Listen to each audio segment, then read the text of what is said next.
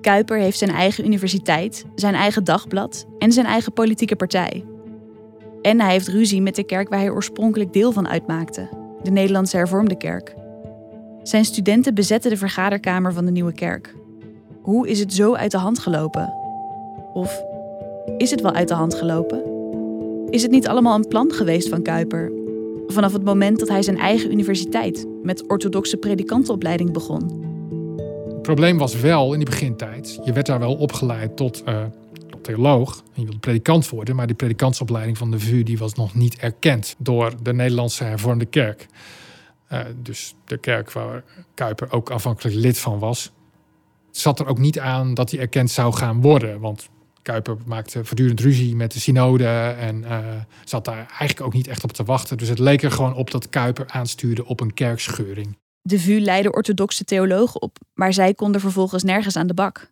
Nou, een van de eerste studenten is, is klaar in, in 1884. Dat is te vroeg voor Kuiper. Deze meneer, die Houtzagers heet, die moet van Kuiper nog maar even wachten, want het is politiek niet opportun. Maar in 86 wordt dat moment wel opportun. Twee jaar later. Dus hij moet nog twee jaar later langer studeren. In 1886 wordt het wel opportun. Dan wordt deze man beroepen in Kootwijk. Kootwijk op de Veluwe is de eerste uh, gemeente die een van die orthodoxe predikanten van Kuiper wil aanstellen. En dan is het een querel in de uh, Nederlandse hervormde kerk. En uh, Kuiper wordt ontboden bij de besturen.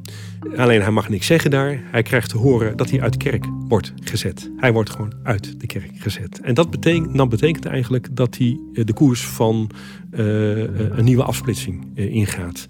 Steeds meer plaatselijke gemeenten zetten zich af van de Nederlandse hervormde kerk en sluiten zich aan bij Kuiper. Aanvankelijk hebben de dolerende kerken, zoals ze heten, dus de kerken die met Kuiper meegingen, de hervormde kerk uit, geprobeerd om de oude hervormde kerkgebouwen te houden. Of ze daar in ieder geval deel van konden krijgen voor hun kerkdiensten.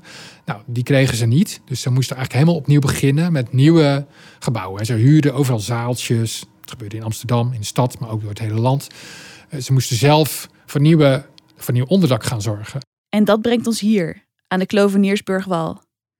Kuiper en zijn studenten bezetten nog altijd de nieuwe kerk. Maar totdat de rechter zijn uitspraak doet, zitten Kuiper en zijn aanhangers met een probleem. Hun probleem is dat ze niet meer terecht kunnen in de nieuwe kerk. En ook niet in de oude kerk, de Ooster- of de Westerkerk. Ze kunnen nergens terecht. Dus gaan ze op zoek naar andere plekken. Niet alleen in Amsterdam, maar in het hele land. En één plek waar ze hun Bijbellezingen houden is hier, in het gebouw van de Maatschappij voor de Werkende Stand, op de eerste verdieping. De aanhangers die Kuiper uit de Nederlandse hervormde kerk volgen, zwerven nu van de ene naar de andere zaal, wachtend en hopend op de dag dat ze terug kunnen naar de nieuwe kerk. Hoe gaat het ondertussen met de allereerste studenten van de VU? Wanneer Abraham Kuyper de VU opricht, heeft hij nog geen universiteitsgebouw. Waar moeten zij terecht? Loop de Kloveniersburgwal af en steek de Amstel over, tot je voor het gebouw van de Kleine Comedie staat.